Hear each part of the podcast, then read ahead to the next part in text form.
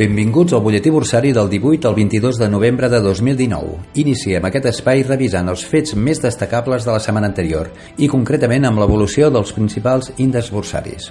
Eurostock 50 tanca la setmana 3.711 punts, variació setmanal positiva de 0,32 i variació anual des de 1 de gener del 24,28%. Mercat espanyol, l'IBEX 35 tanca la setmana 9.260 punts, una variació setmanal negativa del 1,41% i la variació anual del 8,45%. 0,5%. el mercat americà, l'Standard Poor's 500 tanca la setmana 3.120 punts, amb una variació setmanal positiva de 0,89% i una variació anual del 24,48%. L'índex tecnològic Nasdaq tanca la setmana 8.540 punts, variació setmanal del 0,77% positiu i variació anual del 28,72%. I per últim, el Nikkei tanca la setmana 23.303 punts, una variació setmanal negativa del 0,38% i la variació anual positiva del 16,43%.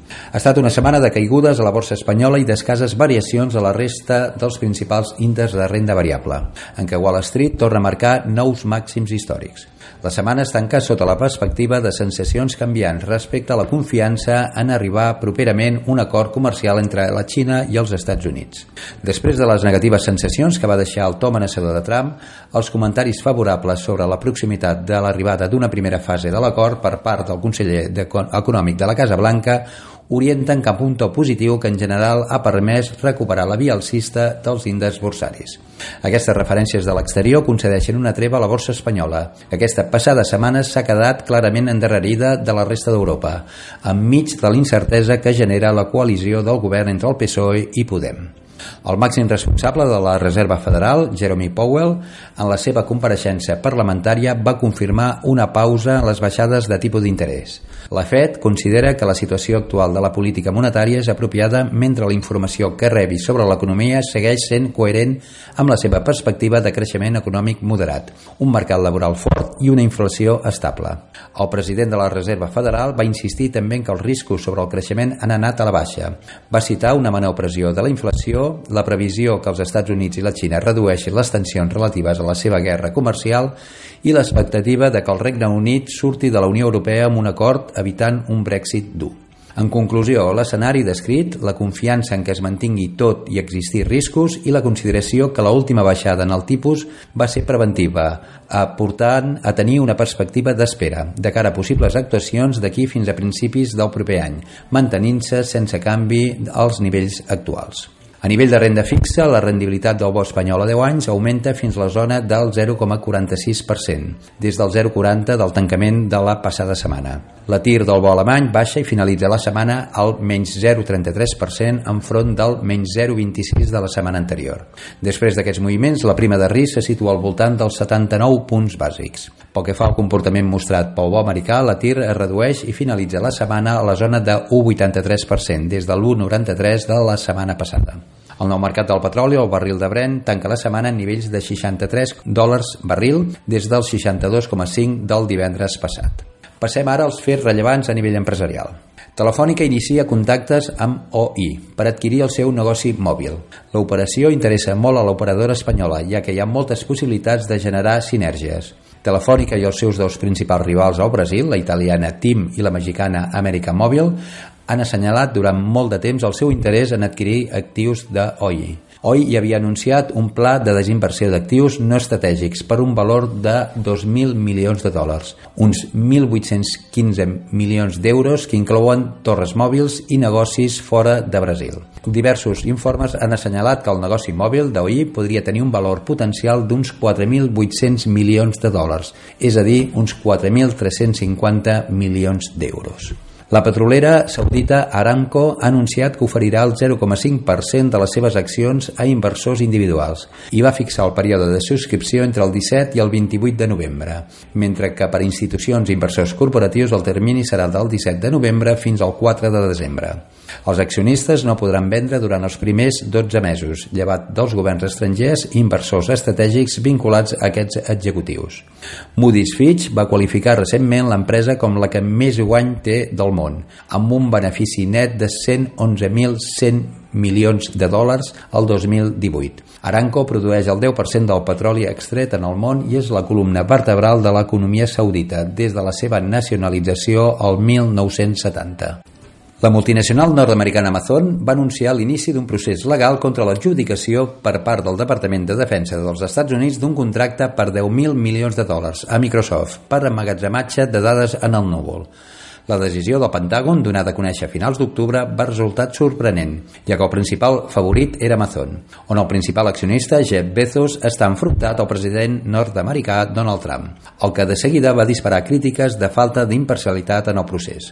El contracte té com a objectiu substituir els sistemes d'emmagatzematge propi pel de dades en el núvol de gegants tecnològics, el que permet accedir a l'última tecnologia ja a servidors massius. A més del valor econòmic del contracte en si, la seva importància va encara més enllà, ja que aquest, el major de la història del Pentàgon en l'àmbit tecnològic, és vist com un projecte pioner en què poden seguir altres agències governamentals.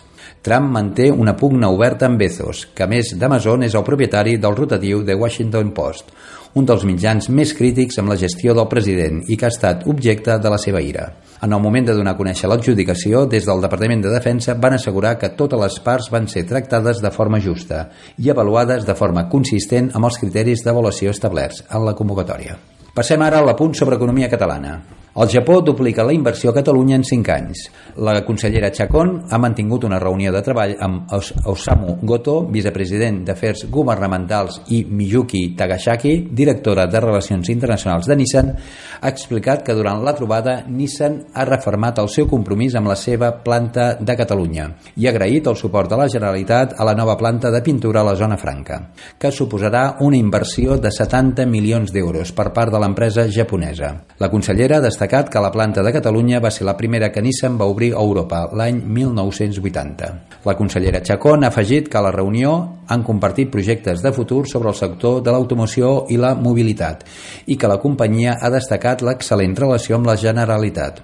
Ha subratllat la titular d'empresa i coneixement que han compartit amb la companyia japonesa el pla de suport a la indústria de l'automoció i de la mobilitat engegat pel Departament per enfortir la competitivitat d'aquest sector industrial a Catalunya. La consellera ha explicat, a més, que entre el 2014 i el 2018 s'han registrat 52 projectes d'inversió d'empreses japoneses a Catalunya, davant els 25 del període 2009-2013, que han suposat una inversió de 930 milions d'euros i la creació de 4.100 llocs de treball, segons dades del Financial Times.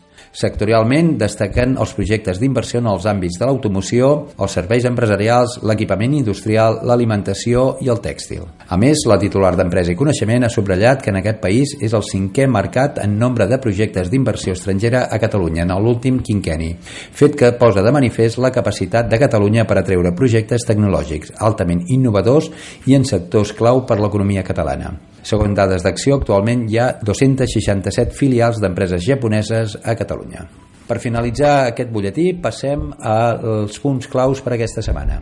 Seguirem de prop els avenços que puguin desenvolupar en matèria comercial, pendents de la signatura de la signatura de la primera fase de l'acord entre els Estats Units i la Xina.